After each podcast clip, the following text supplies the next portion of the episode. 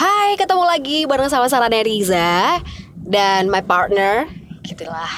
Ini sebenarnya kita sengaja untuk merekam podcast ini dan nanti bakal langsung diupload di dua channel sekaligus yaitu channelnya Kalau Cinta sama channelnya Kartu Keluarga. Karena apa yang mau kita omongin hari ini itu based on true story alias berdasarkan kisah nyata kami berdua.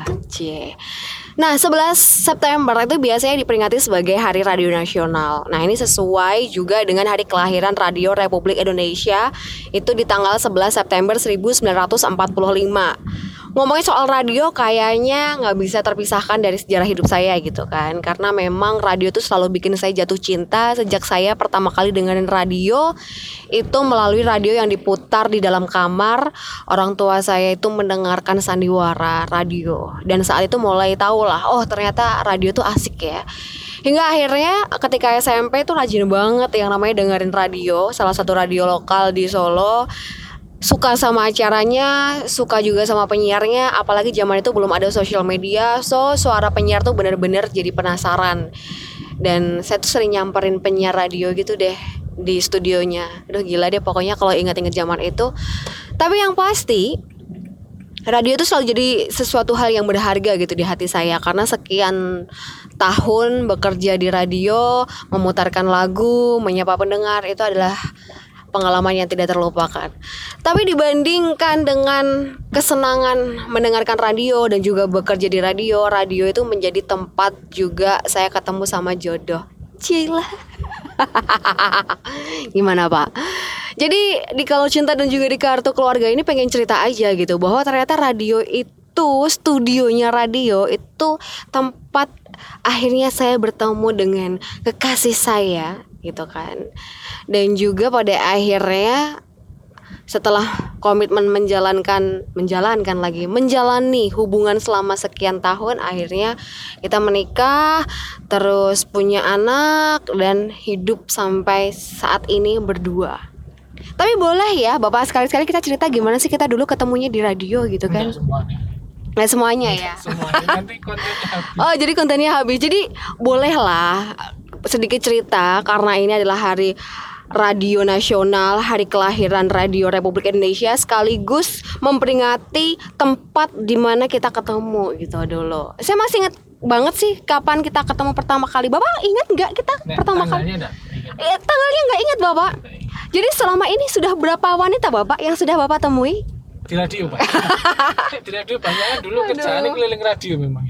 Kerjanya keliling radio dan finally ketemu saya gitu ya Bapak ya. Aduh ya ampun. Saya masih ingat banget ke pertama ketemu Bapak itu tanggal 29 April tahun 2007 Bapak. Saya lupa. Pak. Oh, lupa ya. Aduh ya. Memang sih waktu itu memang saya tidak sengaja ketemu sama Bapak ya kan.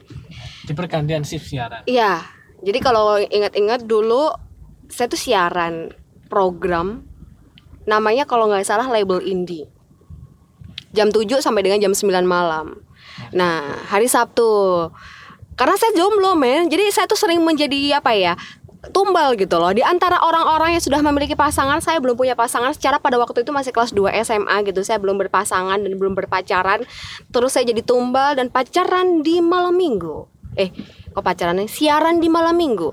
Siaranlah yang namanya program label indie itu dua jam. Terus habis kelar siaran, saya ketemu sama bapak ini gitu kan, beserta teman-teman bandnya yang ngisi acara. Ya dulu bedanya dia penyiar sudah berbayar, saya penyiar Gratisan ya? yang mengeluarkan biaya.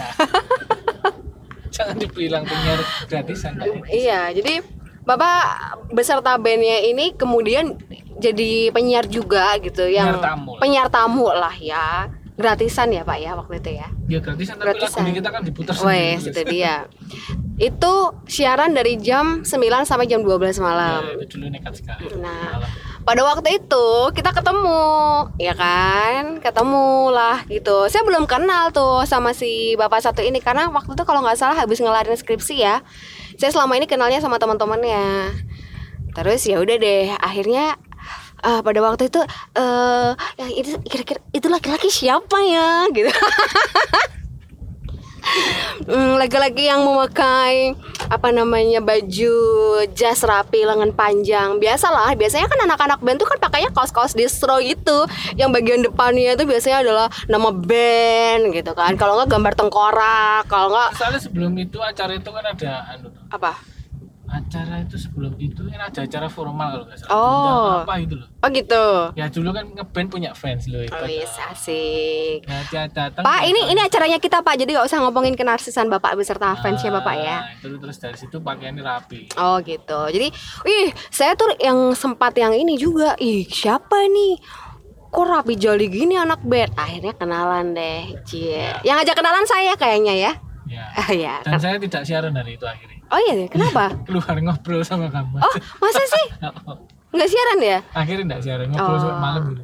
Jadi kita ngobrol pada waktu itu terus hal apa sih yang Bapak ingat pas pertemuan kita pertama kali itu yang diobrolin apa Pak? Bapak Wah ingat lupa semua. Lupa semua. Hmm. Tapi Atau saya memang ini saya pasang rahasia. ya? Wes, tapi saya masih ingat sih pada waktu itu karena saya posisinya kelas 2 SMA, yang saya tanyakan adalah eh, Mas kuliah di mana jurusan Oh, apa iya, Cie? standar. lah ya.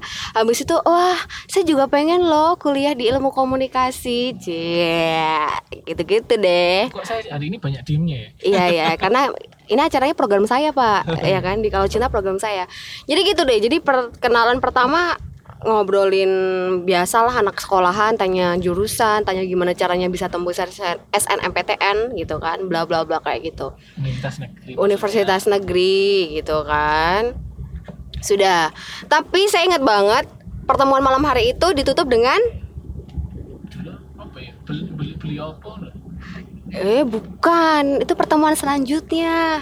Malam itu ditutup dengan minta nomor handphone. Apa, apa malam itu tidak dibeliin makanan? ya? Enggak, itu yang malam yang du- yang lain.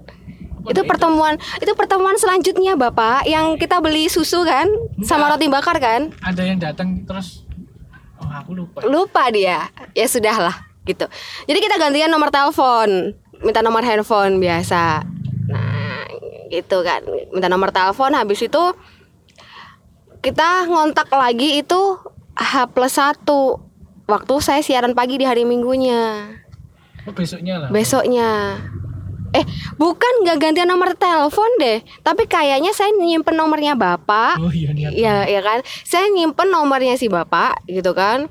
Saya simpen, terus pas keesokan harinya saya SMS deh. Singkat kata, saya tuh mentok cari jodoh. Bilang, Jadi ini kan kelihatannya yang gatel atau yang demen itu kan cewek. Sebenarnya yang mentok tuh saya karena saya pada saat itu mau lulus jadi di otak saya itu punya standar yang agak susah. Nanti pendamping wisuda ini siapa ya? Gitu.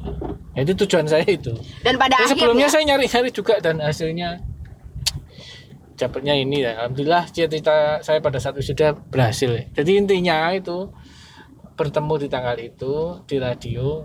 Kalau saya sih targetnya punya pendamping wisuda. Akhirnya kelakon gitu aja. Deh. Maka dari itu yang yang jadi catatan saya yang mentok ya, bukan istri saya. terus pasti ada pertanyaan nih Pak. Biasanya habis kayak gini tuh pasti ada pertanyaan. Loh, lah kenapa nih kok pada akhirnya mau gitu kan ya? Ya, Kalau mentok, kalau Bapak kan mentok nih. Terus pertanyaannya buat saya, Pak, ya Nggak kan? dijawab dulu. kan. Soalnya itu pasti membu apa membuat saya malu juga. Oh, begitu. Nah, Jadi, Cukup saya yang malu aja saya berkata mentok selesai atau kawan-kawan. nah itu dia. intinya setelah itu tujuh tahun dia saya nikahi gitu aja. Eh kok tujuh tahun? Enggak enggak dulu. PDKT dulu kurang lebih selama tiga minggu. Habis tiga minggu habis itu langsung langsung pacaran. Tujuh Ah. tahun terus kemudian menikah. Ya wes gitu aja gitu aja. Jadi terima kasih buat radio. Radio adalah tempat kami berdua bertemu dan sampai kapan pun radio akan menjadi sejarah dalam hidup kita yang nantinya cerita ini akan segera diturunkan kepada anak kami berdua bahwa nak mama dan papamu bertemu di radio. Ya jadi radio itu kalau ngomongin tanggal 11 September radio itu istilahnya dari awal kita eh, hidup itu radio kan sudah selalu ada gitu kan. Nah, ternyata radio ini memegang peran penting dalam kisah-kisah hidup kita yang, yang yang bersifat momentum ya maksudnya ah itu dia itu percikan-percikannya ada di situ. Oke Mulai deh. Mulai dari karir, kemudian dan sampai sekarang masih terasa karena teman-teman kita di radio banyak.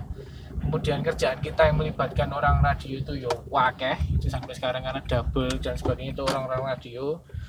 terus apa lagi ya Ya udah deh, pokoknya banyak lah radio tuh menemani hidup banyak kita. lah. sampai sekarang masih masih Yes. masih masih berkutat di situ gitu bukan terus setelah menikah terus nggak ngurusi atau tidak tertarik dengan radio sampai sekarang bikin podcastnya perpanjangan dari radio juga Oke, dan pada akhirnya kita bisa mengambil kesimpulan bahwa love is on the air itu memang betul-betul terjadi.